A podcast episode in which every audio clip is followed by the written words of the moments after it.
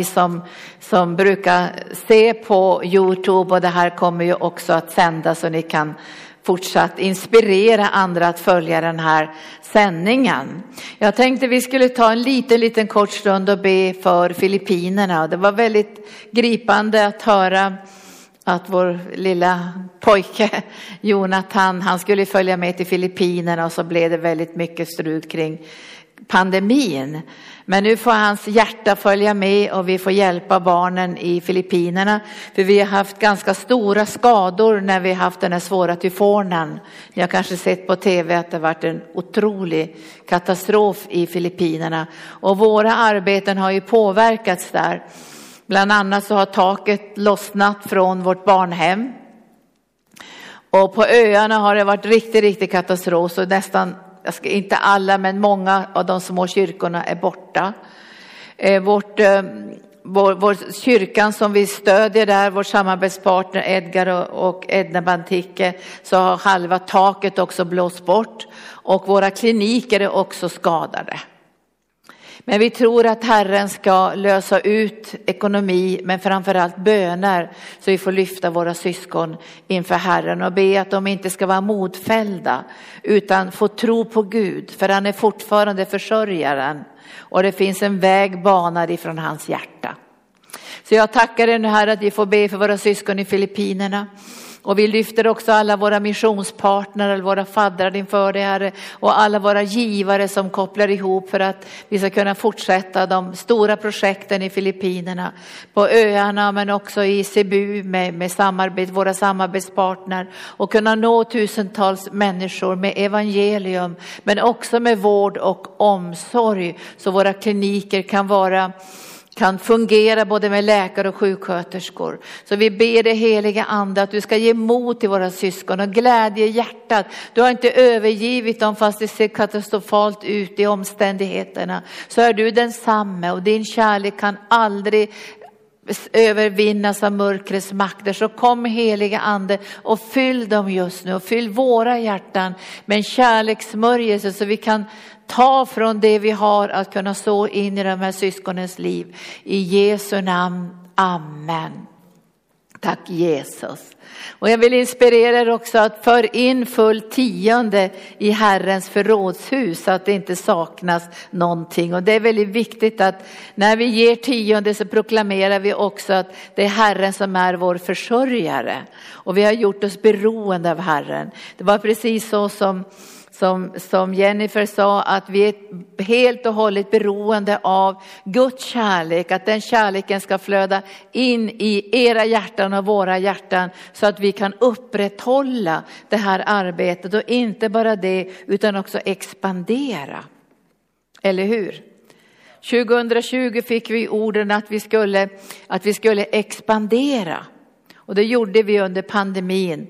Och 2021 fick vi orden att vi skulle bryta ny mark och det har vi också gjort. Och vi har startat projekt också under den här pandemin och tagit steg tillsammans med Jesus. Så jag tycker det ska bli spännande att höra vad Herren vill säga nu 2022. Så jag är i bön nu, jag har varit i bön nu länge för kommande år och vad Herren har på sitt hjärta för oss som församling. Så be också att den profetiska smörjelsen ska flöda in i mitt liv men också in i församlingens hjärta så vi känner igen det Herren säger. För Bibeln talar ju inte så där individuellt utan Bibeln talar ju kollektivt. Och när Herren talat i församlingarna i Uppenbarelseboken så står det ju att den som har öron ska höra vad Herren säger till församlingen. Så vi behöver höra tillsammans vad Gud har för tankar kring det år som ligger framför oss. Så att på nyårsdagen så börjar jag lite profetiskt och riktar och sen fortsätter vi och ber så vi känner att vi får samsyn och enhet också i de andliga steg som vi ska ta tillsammans med Jesus. Idag ska jag säga någonting om inkarnationen. Visst är det bra det? Inkarnationen. Människan, Gud blir människa. Gud blir människa. Och vi måste förstå varför, varför sker det här och vad är det för tankar som Gud har i sitt hjärta. Alltså han kommer att skapa ett nytt släkte. ett helt nytt släkte som är fria från arvsynden. Vet ni att det är skillnad på arvsynden och verksynden? Arvsynden är det som vi ärver genom den första Adam. Så ärver vi alla, hela människosläktet ärver skilsmässan ifrån Gud. Alla föds skilda ifrån Gud. Så Gud behöver gripa in på ett övernaturligt sätt för att få in i den här världen en annan Adam som i Bibeln kallas för den andra Adam. Och vi ska födas in i den andra Adam och komma ut ur den första Adam. Så när vi döper människor så är det egentligen en begravning av den gamla människan med tron på ett nytt liv i Jesus Kristus som kallas för uppståndelselivet. Och det livet beskrivs som liv och överflöd av liv. Herren talade till mig, jag tänkte jag skulle säga bara det med korta ord idag, att jag tror att ibland när, vi, när det kommer sådana här kriser som pandemin och olika saker som sker i samhället så, så är det många gånger så att kristna trossyskon tappar liksom fattningen eller man ska säga man tappar man blir, man, man blir onykter i sina tolkningar av vad som sker. Därför att det här handlar inte om för och emot vaccin. Det handlar inte om för och emot politiska strömningar. Det handlar om att förstå vad som, vad som händer bakom kulisserna, vad Satan håller på med. Och det ska jag säga något om idag. Han håller på att försöka röja undan Guds församling. Och då menar inte jag att han ska döda alla kristna, utan han ska röja undan Guds församling på ett sådant sätt att vi fokuserar på fel saker och förlorar den styrka och den medvetenhet och den konungsliga och prästerliga ställning som vi har i den här världen. För vi ska regera i liv och i överflöd av liv och därför behöver vi lyfta blicken och komma bort från jorden och alla konflikter och, alla, och förstå vad är det som händer och vad är vår plats i allt det här som sker. Och det här kommer Herren att tala till er. Var är vår plats och funktion i allt det här som sker? För profetiskt kan du och jag gå och titta bakom kulisserna. Vad är det som sker bakom kulisserna? Och det här fick ju också profeten Hesekiel se. Vad sker egentligen bakom kulisserna?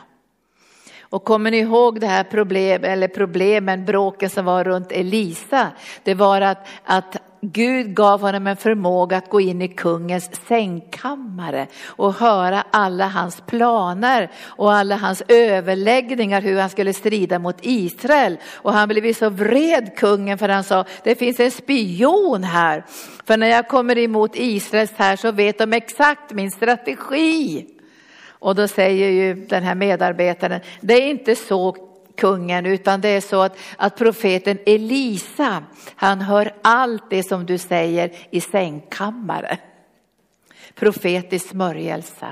Och nu ska jag läsa det här profetiska ordet, alltså att, att Jesus kommer till världen genom en jungfru är avgörande, förstår ni? Det är avgörande. Om Jesus bara är en vanlig människa, som vi andra men lite godare än, än andra människor. Om han är en profet bara eller att han är en, en, en, något annat. Och Jesus frågar ju sina lärjungar, vem säger folket att jag är? Och då kommer de med ganska inomvärldsliga beskrivningar av vad människor sa om honom. Men då säger Petrus, du är den levande Gudens son. Du är den levande Gudens son. Och då säger Jesus, det här är inte människor uppenbara för dig, det här är Gud i himlen som har uppenbarat det här för dig. Och är det så att inte Jesus kommer in i den här världen och föds in i den här världen genom en jungfru, så är vi kvar i synden. Då är vi kvar i döden, det är helt avgörande. Ibland försöker kristna försöka liksom tänka, men det, det är nog inte riktigt på det här sättet. Men då är vi fortfarande kvar i döden och vi är kvar i våra synder och vi är ömkansvärda. Och, och våra dop har ingen betydelse. Alltså det är bara strunt. Och skulle det vara på det sättet då kan vi ju välja att följa Jesus ändå för vi tycker att han är trevlig och fin och han kan göra saker och så. Men han är inte uppstånden från de döda då. Då är ju han död. Som alla andra religionsstiftare så är han död. Men vi vet idag att Jesus lever. Han lever. Han lever. Och han bor i ditt hjärta och han bor i härlighet i höjden, men han finns också ibland oss. För Gud har bestämt att ge Jesus till församlingen. Så står det i Efesierbrevet kapitel 1. Så nu ska vi bara läsa snabbt vad Jesaja säger. Alltså vi ska få ett tecken. Jesaja var en av de, tycker jag, en av de starkaste profeterna som såg Messias. Och det står i Jesaja kapitel 7, versen 14. Därför ska Herren själv ge er ett tecken. Se, jungfrun ska bli havande och föda en son och hon ska ge honom namnet Emanuel som betyder Gud med oss. Gud är på vår sida. Och jag tror att det är viktigt att veta idag att Gud är på vår sida. Gud är inte emot oss. Gud är på vår sida och hjälper oss. Och det här att, att jungfrun ska bli havande, det är ju stötande på ett sätt. Att för att tänker man ska, ska jungfrun kunna bli havande, Jo, den heliga ande skulle komma över henne och den som skulle födas genom henne var heligt. Det var Gud som hade blivit människa för att uppenbara Guds härlighet i den här världen men också skapa ett nytt släkte. Och det här ska vi se om en stund. Men vi ska börja med att se vad antikrist ande Första Johannes brev kapitel 4 säger Herren, pröva andarna. Pröva andarna. Därför Jesus varnar ju för bedrägeri den yttersta tiden. Det kommer att bli väldigt mycket bedrägeri.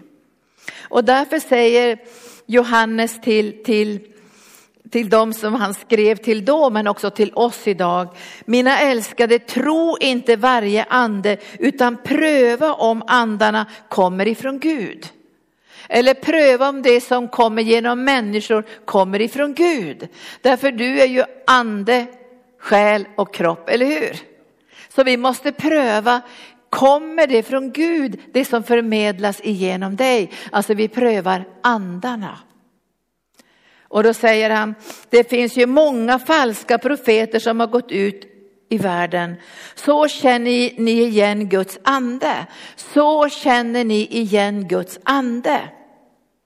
Varje ande som bekänner att Jesus är Kristus som har kommit i köttet, den är av Gud. Och varje ande som inte bekänner Jesus, den är inte från Gud. Alltså som bekänner att Jesus Kristus har kommit i köttet, inkarnationen, Gud har blivit människa och kommit in i den här världen. Men när Jesus trädde in i den här världen la han bort det gudomliga för att ikläda sig mänsklig gestalt för att kunna bli den andra Adam och lösa oss alla från arvsynden, kontakten med den första Adam som leder till döden, till den eviga döden. Det är därför som Jesus har kommit in i den här världen för att skapa en ny människa som ska regera i härlighet och rättfärdighet. Ny människa. Och det här förstod inte ens Nikodemus som var en, en, en, lärd jude som egentligen tyckte väldigt mycket om Jesus. Men han var ganska rädd också att bli utesluten och utstött från synagogan. Så han kom till Jesus på natten. Och så pratar de tillsammans och då säger, då säger Jesus till honom, förstår du ingenting du som ska vara en lärare? Att man måste bli född på nytt för att kunna komma in i Guds rike. Man måste bli född på nytt. Och då undrar han, hur ska man kunna bli född på nytt? Alltså det, den frågan ställer ju människor idag också. Hur blir man född på nytt? Och han tänker väldigt mänskligt där, eller hur? Han säger, kan jag gå in i min mammas mage igen? Och då ser ni ju alla hur det kommer att se ut. En vuxen karl kryper in i mammas mage igen för att bli född en annan, andra gång. Alltså han förstår ingenting. Han tänker bara mänskliga naturliga tankar. Men när du och jag blir födda på nytt så föds vår ande på nytt. Alltså vår invärtes människa, den som är skild ifrån Gud, blir född på nytt genom vatten och ande och så förenas vi med Jesus och det blir ett nytt släkte. Och därför säger också Paulus, om någon är i Kristus är han en ny skapelse. Och därför är det viktigt att människor vet om de är en ny skapelse. Alltså man blir inte en ny skapelse hur som helst. Man blir en ny skapelse genom att man aktivt med bekännelse tar emot Jesus som sin personliga frälsare. Och har man vuxit upp i ett kristet hem kanske man inte riktigt vet när man blir frälst. Men då behöver man ta ett tillfälle då man gör den här bekännelsen.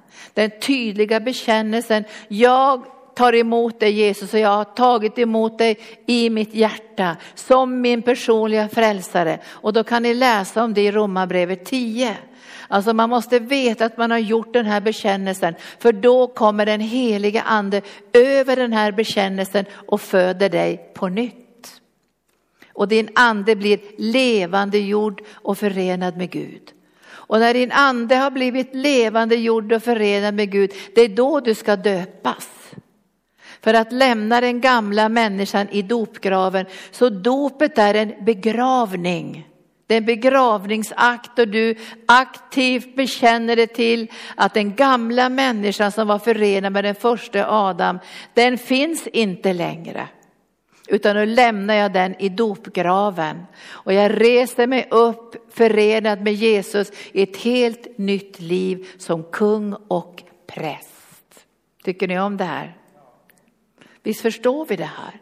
Och vi behöver fråga människor också, är du född på nytt? För ibland tror man att man är född på nytt bara för att man blir döpt som barn. Att det är någon som står i tro för mig att jag ska kunna bli född på nytt. Men det här är ett personligt beslut som varje människa måste ta i sitt hjärta. För mig var det här mör från mörker till ljus och det var mycket lättare för jag kom från världen. Men jag förstår att det är svårare för dem som har vuxit upp i kristna hem. Men då måste de komma till den här platsen där de gör den här bekännelsen. Jag har tagit emot Jesus som min personliga frälsare. För då kommer du att få frälsningsvisshet och då kommer Guds ande att vittna med din ande att du är ett Guds barn. Visst är det härligt det? Vi får makt att bli Guds barn. Vi blir Guds barn. Och då måste vi veta någonting nu. Vad, vad, vad, är det som händer bakom kulisserna? Nu ska jag berätta, för jag har varit och tittat lite grann vad som händer bakom kulisserna. Vad håller djävulen på med? Alltså han, han håller på att rikta Guds folk mot varandra och det ska vara det ena politiska bråket efter det andra och det ska vara den ena splittringen efter den andra. Och sen ska vi tappa egentligen vad Gud håller på med. För vi lever i en profetisk tid, vet ni det? Vi lever, jag vet inte om vi lever, vi börjar komma in i den yttersta tiden, men säkert är det så. Därför Jesus säger att det ska bli krigslarm, folk mot folk, rike mot rike, jordbävningar. Men det är bara början. Det är början till någonting som är födslovåndorna. Därför det kommer födslovåndor. Och allt det här som vi ser är miljöförstöring och allt, allt, allt, allt som händer med naturen, det är egentligen början till födslovåndorna. Och då måste vi veta, hur ska vi förhålla oss till det här? Och då ska jag läsa det andra bibelstället i andra Thessalonikerbrevet. Där, där Herren talar tydligt till oss hur vi ska förhålla oss till den yttersta tiden. Och det står i andra Thessalonikerbrevet kapitel 2 så säger Herren så här, när det gäller vår Herre Jesu Kristi ankomst och hur vi ska samlas hos honom så ber vi er bröder att inte plötsligt tappa fattningen. Vi får inte tappa fattningen. Låt er inte skrämmas av någon ande. Och då, då står det ingen ond ande eller ande utan en människa. Det kan också vara andeväsen och sånt, men framförallt menas det av människor som pratar olika saker. Låt er inte skrämmas så ni tappar fattningen av någon ande eller något ord eller brev som påstås komma från oss som säger att Herrens dag är här. Vet ni, advent betyder ju att vi väntar och längtar. Och jag tror inte nästan någon i världen vet vad advent är för någonting, utan man ska tända ljus och vara lite julstämning och så. Men advent betyder egentligen, vi väntar på Jesu tillkommelse. Men vi väntar också på att få fira hans födelsedag. Advent är, vi väntar på att Jesus ska komma tillbaka på himmelens skyar. Och jag tror att den medvetenheten om Jesu tillkommelse håller oss levande och alerta. Tror ni inte det? Vi blir mer och mer alerta. Vi förstår vad det här handlar om. Vad är det som händer bakom kulisserna egentligen? Ska jag läsa för det här. Låt ingen bedra er på något sätt. Först måste avfallet komma. Först måste avfallet komma. Bli inte så förskräckta när ni ser synden och mörkret som träder fram och ondskan och orenheten. Alltså det måste bli synligt, förstår ni det? Det måste bli synligt. Det måste bli skillnad på mörker och ljus. Så bli inte så förskräckta om ni ser avfallet komma, utan Gud kommer att tränga fram synden. Vad som är bakom kulisserna, vad som människor har gömt. Och där kommer vi se mer och mer statschefer som ser fromma ut på ytan, och, men bakom är det bara snusk och orenhet. Det trängs fram. Det är därför det är så underbart att du har försonat ditt förflutna med Gud. Därför om det skulle trängas fram någonting i ditt liv så är du inte rädd därför du har försonat ditt förflutna med Gud. Och du har fått rening i Lammets blod. Visst är det viktigt det här? Men avfallet kommer att komma bland människorna, och det kan, ni, läsa, kan ni läsa på andra ställen också i Bibeln. Men låt, in, bedra, låt inte bedras, först måste avfallet komma och laglöshetens människa träda fram. Vem är laglöshetens människa? Jo men det är Satan som använder människor, falska profeter. Nu ska jag läsa här lite grann. Han kallas för fördärvets son. Han som förstör och bryter ner. Motståndaren som är motståndare till Guds folk och till evangelium. Det står att han förhäver sig över allt som kallas Gud eller heligt och så sätter han sig i Guds tempel och säger det vara Gud. Och nu ska ni få se här, vad, vad är det som håller honom tillbaka? Vad är det som håller tillbaka detta mörker? Så det inte bara kan välla fram. Jo, det står här, han måste röja någon ur vägen. Han måste förminska någon. Och nu säger jag till er, kriget som vi upplever nu överallt i media och mot och för och emot och politik och allt det här. Det är inte det det här handlar om. Utan mörkrets makter håller på att röja undan den enda kraft som kan stå honom i vägen. Och det är Guds församling som har ett levande vittnesbörd om Jesus. Nu talar jag profetiskt. Så jag dras inte in i en massa tjafs. Jag måste ha ögonen riktade på vad handlar det här egentligen om? Därför djävulen håller på att röja undan Guds församling. Han måste bara, han, nu måste han bara, han som håller nu måste bara han som håller tillbaka röjas ur vägen. Det som djävulen håller på med nu är att röja Guds församling ur vägen. Och jag har skojat med lite grann och talat om pyjamaskyrkan. Att när det kommer en pandemi så här så tenderar man att dra sig undan. Alltså man, man drar sig undan därför vi vill ju inte bli smittade och det händer saker när man får hälsa på varandra med en armbåge och, och, och relation, sociala relationerna känns lite eh, distanserade och så här. Så, så påverkar det församlingen. Och det gör att det är svårt för församlingen att komma samman. Och vi får inte böja oss under omständigheterna i den här världen. Vi måste komma samman. Nu säger jag det profetiskt, vi måste komma samman. Och vi måste röja undan alla de hinder i våra egna liv som gör att vi inte kan komma samman. Nu förstår jag kanske att en del är sjuka och avsidestagna av andra skäl, men vi måste röja undan det som gör att vi inte kan komma samman. För det är det som är djävulens plan, att röja undan Guds församling, att försvaga Guds församling så att vi inte kan utgöra den kraften som håller tillbaka det här mörkret. För vi har mycket som vi ska göra, eller hur? Vi ska röja undan det här mörkret och vi ska ge utrymme för Jesus så hans helande kraft ska flöda. Så befrielse ska komma människor till del, upprättelse, så människor får höra evangelium om att de kan bli födda på nytt och tas ut ur Satans rike och sättas in i den älskade sonens rike och få bli födda på nytt och få ett helt nytt liv och skiljas från arvsynden. Verksynden kan vi få förlåtelse för genom Lammets blod, men arvsynden är någonting annat. Det ärver vi på grund av den fallne Adam. Så föds vi alla i Adam. Genom en människas synd så har döden kommit in i världen och alla har fått del av den döden. Och där ska vi avsluta med idag och titta på det nya livet i Jesus Kristus. Djävulen försöker röja undan Guds församling. Och vi tänker göra motstånd, eller hur? Vi tänker göra kraftfullt motstånd. Därför är församlingen som är Guds räddningsplats i den här fallna, mörka världen. Och därför ser vi att om man kan röja undan Guds församling, hur röjer han undan Guds församling? Det finns olika planer som man har, jag har tittat bakom kulisserna. En av hans planer är att föra in österländsk andlighet i församlingarna. Det är en plan som han har. Därför han vet om att människor längtar efter upplevelser. De längtar efter att få, få liksom komma in i någon slags kontakt med det övernaturliga. Och stänger man i kyrkorna för den heliga ande, stänger man i kyrkorna för att få göra andliga upplevelser, då kommer den österländska andligheten in i församlingarna och då blir församlingen kraftlös kraftlös. Hon kan inte stå emot de krafter och makter som börjar manifesteras i den här världen. För det här är ingen lek faktiskt. För ni vet att Skevas söner, kommer ni ihåg dem i Bibeln? Sju stycken.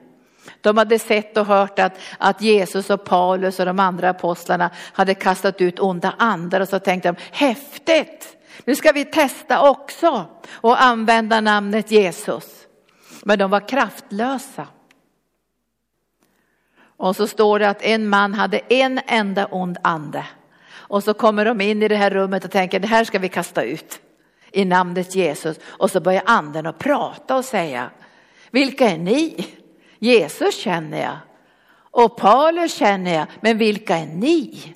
Och vad händer då? En enda ond ande kastas över sju stycken killar, river av dem kläderna och de får springa ut ur rummet blodiga och sargade på grund av en enda ond ande.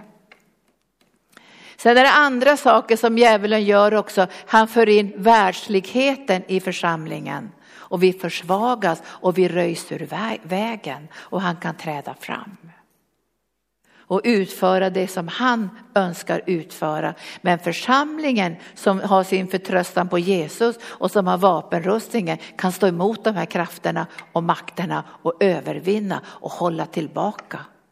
Så nu vill jag säga det, om du tittar lite grann bakom kulisserna så handlar det inte om för och emot vaccinationer. Det handlar inte om för och emot politiska så att säga, strömningar. Det handlar om att djävulens plan är att röja Guds församling ur vägen för att kunna träda fram.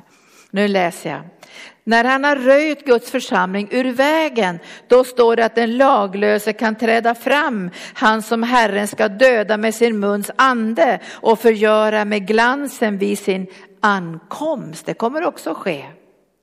Den laglöses ankomst är ett verk av Satan som kommer med stor kraft och med lögnens tecken och och under med ondskans alla konster bedrar han dem som går förlorade. Och hur kan han bedra dem som går förlorade? Jo, därför att de har inte fått höra evangelium, därför att det är kärlek till sanningen som håller undan villfarelse.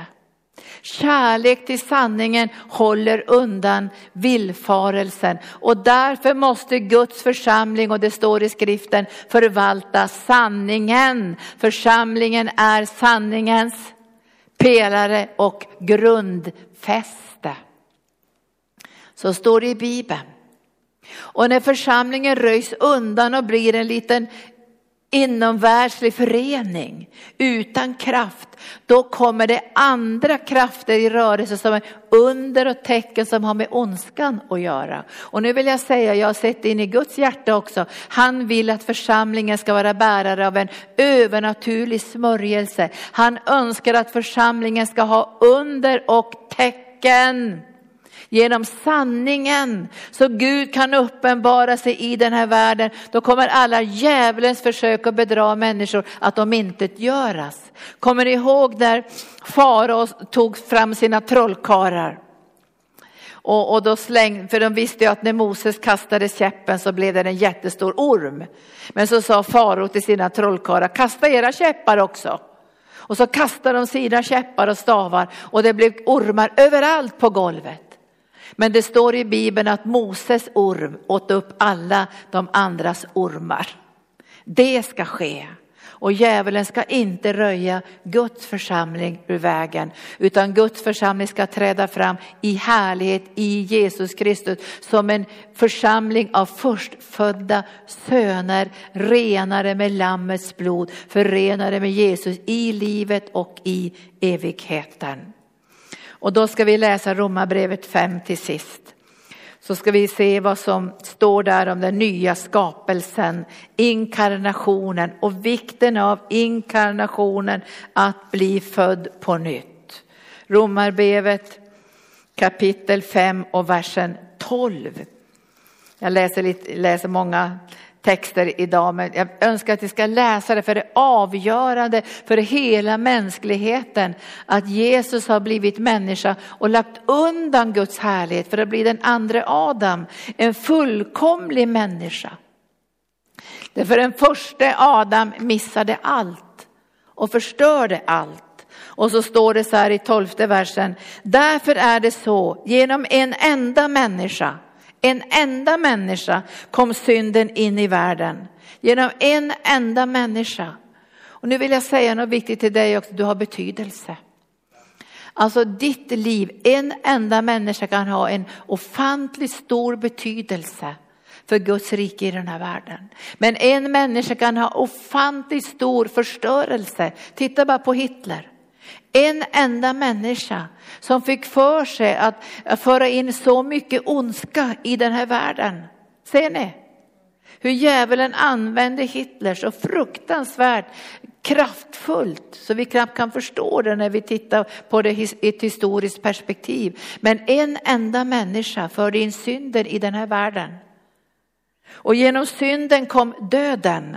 Ibland hör jag människor säga att ja men döden, det, det, är så naturligt med döden. Det är inte det minsta naturligt med döden. Döden kallas för den sista fienden. Och döden kommer att kastas i den brinnande eldsjön. Men de som har tagit emot Jesus som sin frälsare kommer aldrig att dö. Därför har du redan fått del av evigt liv genom Jesus Kristus. Så du kommer aldrig att dö. Du har övergått från död till liv när du tog emot Herren som din frälsare. Så synden kom in i världen och på så sätt nådde döden alla människor eftersom alla hade syndat. Synd fanns i världen redan före lagen, men synd tillräknades inte för det fanns ingen lag. Ändå regerade döden från Adam till Mose också över dem som inte hade syndat genom sån överträdelse som Adam. Och Adam är en förebild för den som skulle komma. Vem skulle komma? Den andra Adam. Det finns en första Adam och det finns en andra Adam. Men syndafallet kan inte jämföras med nåden. Femtonde versen. För om de många dog genom en endas fall så har Guds nåd och gåva så mycket mer överflödat till de många genom en enda människas nåd. En enda människas nåd, Jesus Kristus. Och nu byter vi släkte. Vi har kommit ut ur den första Adams fångenskap och vi har inympats i Jesus Kristus och vi är födda på nytt.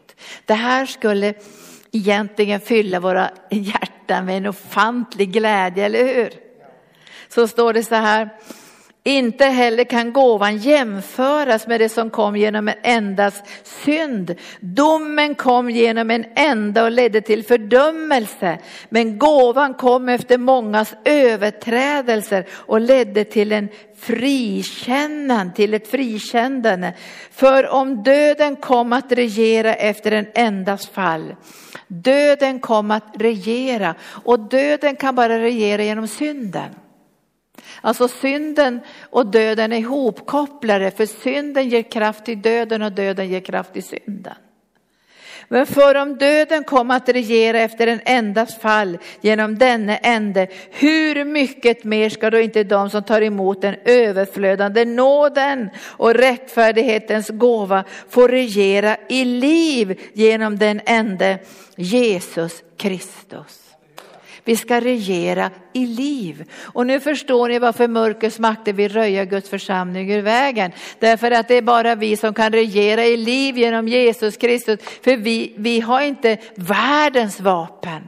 Vi, vi tjänar inte på världens sätt. Vi har en övernaturlig himmelsk kallelse att uppenbara Guds härlighet i den här världen. Det är klart att mörkret vill undanröja, marginalisera, trycka ner, tysta ner Guds församling. Men det ska han inte klara av. För Guds armé reser sig upp i härlighet och lyser starkt.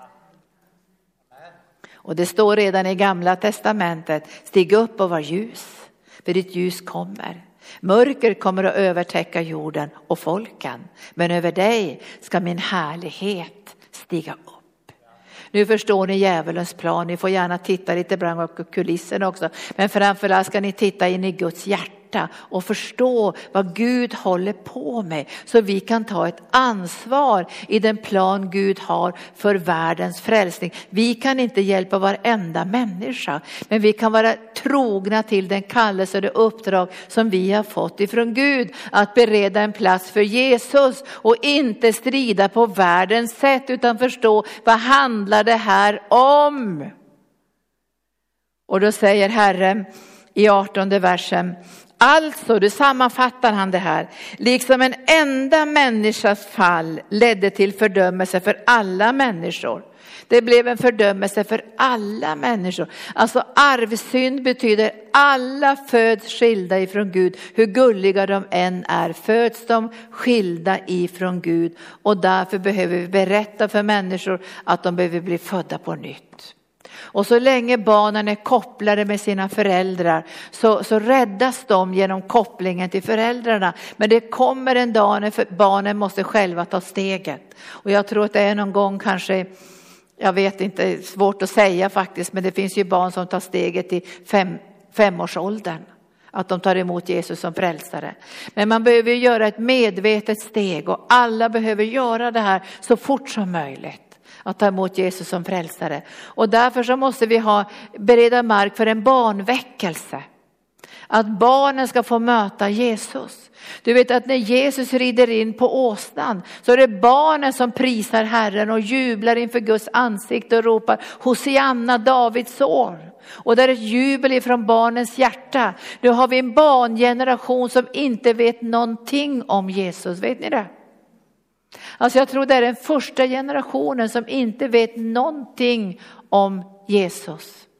Och därför behöver vi en barnväckelse. Och lever inte Guds församling med alla generationer så marginaliseras vi och vi får ingen påverkan. För den påverkan vi ska få bland barn och ungdomar är en andlig påverkan där de får möta Jesus och bli födda på nytt och fyllda med den heliga ande och andedöpta och få strida på riktigt. För barn vill ha någonting att leva för. De vill ha någonting att vara stolta över och vi ska inte förlora förlora våra barn åt till mörkrets makter, eller hur? Utan vi måste strida och bereda plats så att Jesus ska kunna frälsa barnen, för de behöver en stark upplevelse av Gud. De behöver ingen lektant på söndagsskolan. De behöver ett starkt möte med Gud. Ett genomgripande möte med Gud. För barn kan också bli helade genom den heliga ande. Och det är väl bättre att bli helad när man är fem år eller tio år än när man är 65 år. Hela livet har gått. Så den här fruktansvärda attackerna mot barn som är nu och unga människor av psykisk ohälsa och våld och övergrepp. Vem kan stoppa det om inte Guds församling? Därför det finns inga terapeutiska metoder som biter på demonerna och mörkrets makter. Därför vill Satan röja Guds församling ur vägen. Nu talar jag profetiskt. Och därför ska vi inte låta oss röjas ur vägen. Vi ska göra ett motstånd mot det här och vi ska inte vara en pyjamasförsamling. Det, det, kan vara underbart, nu pratar inte jag om våra distansmedlemmar för de är ju med i anden. Men jag tänker på våra församlingsmedlemmar som kan ta sig hit.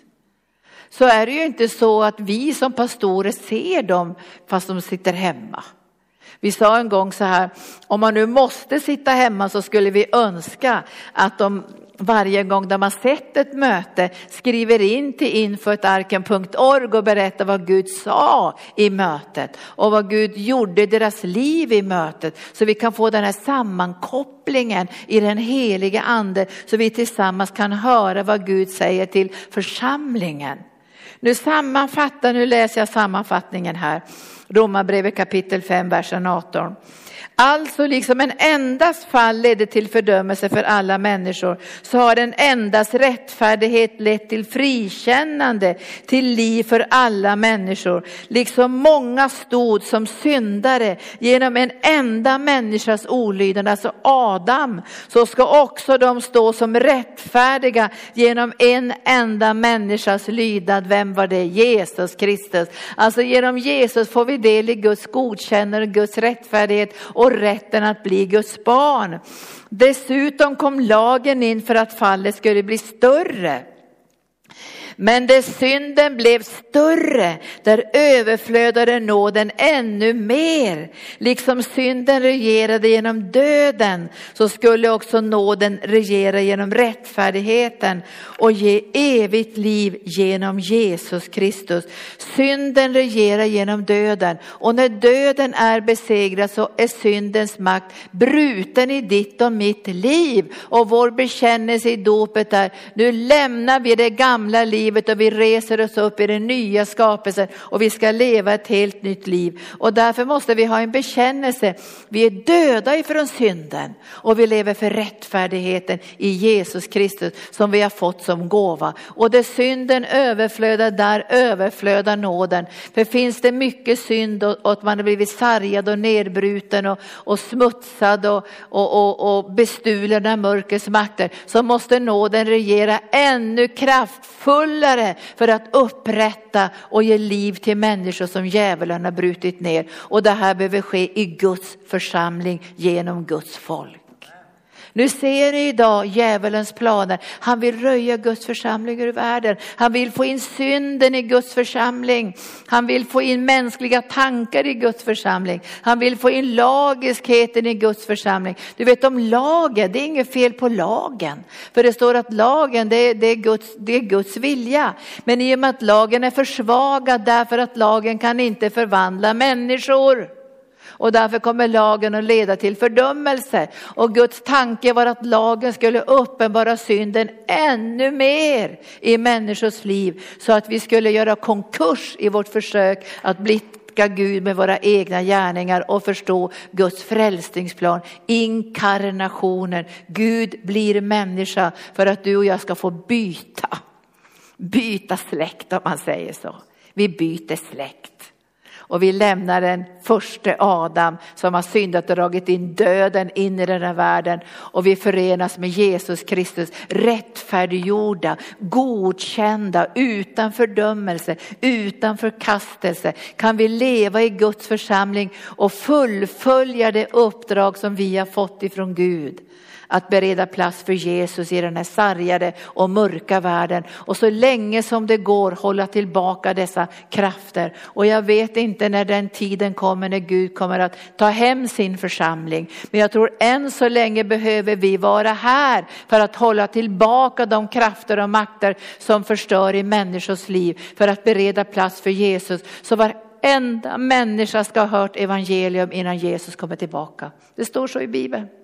Evangelium ska nå alla människor innan Jesus kommer tillbaka. Och därför så, så, så ber vi mycket till Gud, hur ska vi kunna nå människor? Nu under 2022 kommer vi att sätta ut 14 annonser i dagstidningar för att presentera Jesus. På enkelt sätt presentera Jesus som läkaren, själavårdaren, befriaren och berätta för människor hur man blir frälst, 14 annonser i dagstidningar kommer vi att synliggöra och presentera Jesus. Därför alla ska få möjlighet att höra om Jesus. Och vi vill hitta vägar genom media, tv, andra kanaler för att föra ut evangelium. Vi tänker inte acceptera att vara marginaliserade, eller hur? Och, och, och det, här, det här trista jag läste av en läkare jag var så sur över det när jag läste det faktiskt.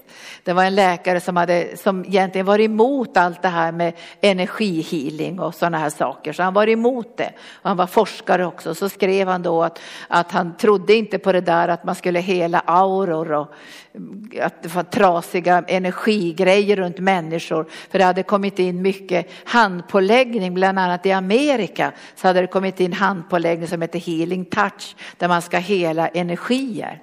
Så han var emot det där. Och så skrev han så här, eller det gillade inte han, men så kom det en liten släng så här. Så skrev han, ja men det där med kristen handpåläggning, det är väl ingen som håller på med något sånt något längre.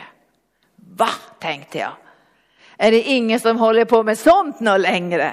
Vad är det som har hänt i kristenheten? Det är väl det vi ska hålla på med. Vi ska bli kända för att vi håller på med handpåläggning. Vi ska bli kända över att vi talar i tungor. Vi ska bli kända över att vi kastar ut onda andar. Vi ska bli kända över att du och jag kan ta initiativ i den heliga andes kraft och trampa på ormar och skorpioner. Och vi tänker inte låta oss marginaliseras och tystas ner och dra oss undan och förskingras som en massa skräckslagna får och börja strida om saker som är ovärdiga att strida strida om, utan vi ska hålla fokus på Jesus Kristus och vi ska ställa frågorna för framtiden. Hur vill du ha sakerna gjorda Jesus? Hur vill du ha sakerna gjorda? Och nu har jag predikat så länge så nu ser jag att vi ska upp i lovsången här nu, tack Jesus. Och vi ska be så här nu, att den här profetiska smörjelsen, nu talar jag inte bara om profetia, den profetiska smörjelsen, att förstå vår tid. Att inte låta oss tappa fatt fattningen. Det kommer värre saker vänner. Vi ska inte tappa fattningen. För Bibeln säger kalla inte för sammansvärjning vad människorna kallar för sammansvärjning i världen. Gå inte in i de här sakerna. Utan ni måste ha blicken på Jesus och förstå vad är hans tankar, vad är hans vilja för oss i den yttersta tiden. Och det här önskar jag att vi ska få enhet i i den heliga ande och förstå vår tid. Profetens uppgift är att, förstå, är att få klarhet från Gud, att förstå tiden. Sen får vi profetians gåva där vi kan uppmuntra, stödja och trösta varandra. Men om vi inte förstår vår tid så kommer vi att förskingras, marginaliseras, skakas om så vi inte kommer ha någon kraft. Och jag ser ju många församlingar som får in österländsk andlighet, de får in synden. De får in världen.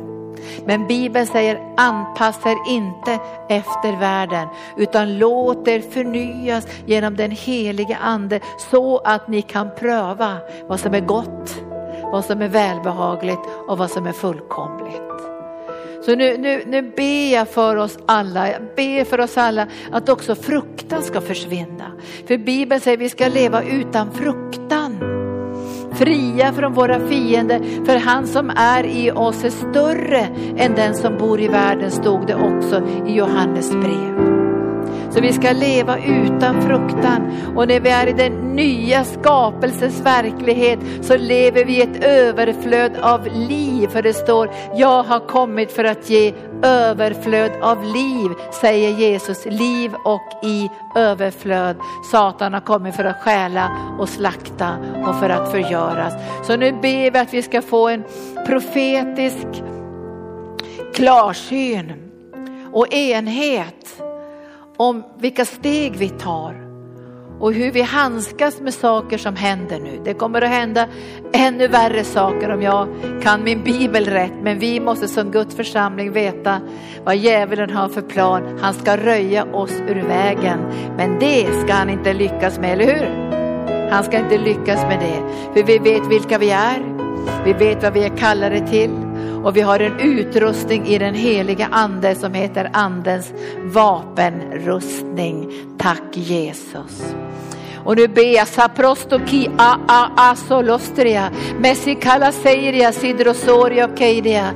Jag ber här om en profetisk smörjelse över ditt folk att förstå vad som händer bakom kulisserna, att se vad djävulen har för tankar och planer, att de inte gör och röja undan Guds församling, att försvaga ledarskap att de inte göra pastorer och ledare, att skingra i församlingen, försvaga församlingen, göra församlingen världslig och världstillvänd, att öppna upp för synd i församlingen, av andra religioner och religionsblandning i församlingen. För att försvaga församlingen. Så att den laglöse kan träda fram och säga sig vara Gud. Och ännu mer bedra människor. För de kan inte älska sanningen, de inte vet sanningen. Och därför ska Guds församling träda träda fram och förvalta Sikoidio, Mestobri Atosaidia, förvalta sanningens sanningens ord i den här mörka döende världen måste sanningens ljuvlighet och härlighet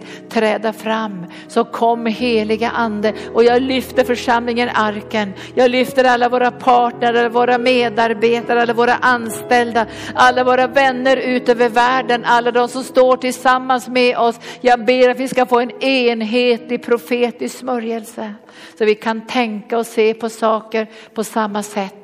Kom helige ande, kom helige ande, kom helige ande. Och gör ditt verk, röj undan all onykterhet och all fruktan och all, all kamp i människors liv. Så vi kommer in i en profetisk frihet, en profetisk fri så vi vet vilka vi är. Vi är inne på den, ny, den, den andra Adams överflödande liv, han som har vunnit seger över döden, över synden. Han som har fullgjort lagen, inte på lagiskt sätt men i kärlekens, kärlekens relation till Fadern. I en andlig kärleksrelation så uppfyllde han lagen för att vi ska få leva genom nåden, genom den heliga ande, godkända och älskade av Gud och helgade genom anden så att Guds liv mer och mer blir synligt i våra egna liv och i församlingens hjärta. Så kom he, astoki, astoki Astoki, kom helige ande och smörj ditt folk nu Gud. Smörj ditt folk, smörj ditt folk, smörj ditt folk och bered ditt folk för den yttersta tiden. Bered ditt folk att vara starka och medvetna om kallelseuppdraget. Beskydda ditt folk för villoläror, beskydda ditt folk för de krafter och makter som vill komma och beröva oss frimodigheten och glädjen och järvheten och kreativiteten. Kom helige ande och styrk ledarskap, styrk pastorer pastorer, styrk medarbetare, styrk ledare att vara en mur runt församlingen, att beskydda och bevara. Låt alla ledare stå i portarna med lovsång och hänförelse. Kom helige ande och så ger du oss ytterligare smörjelse för att ta ansvar så kom helige ande för att kunna genomföra det du har kallat den här församlingen till. Och jag sänder särskilt välsignelse till alla våra distansmedlemmar, till alla våra partner, till alla våra faddrar, alla våra vänner som står tillsammans med oss. Så sänder jag välsignelsen och klarsynen, klarsynen, kom med helige ande med klarsyn så vi inte tappar fattningen. När olika vindar blåser åt olika håll så tappar vi inte fattningen. Vi vet vilka vi är och vi är rotade och vi är grundade i Jesus Kristus där rötterna går rakt in i hans hjärta, i hans vila, i hans uppdrag och i hans kärlek. Kom helige ande, kom helige ande. Och nu ber vi om den här profetiska klarsynen. Vi låter den få komma nu. Den ska grundas på ordet och de profetiska orden. Både i gamla och nya testamentet där. Det ska fullbordas. Mycket är inte fullbordat än. Men det kommer att fullbordas. Mer och mer det som Gud har lovat. Kommer han också att fullborda. Så vi låter den här smörjelsen, vi sjunger en sång och så löser ni ut den här profetiska smörjelsen. Med trygghet i våra hjärtan, trygghet i våra hjärtan.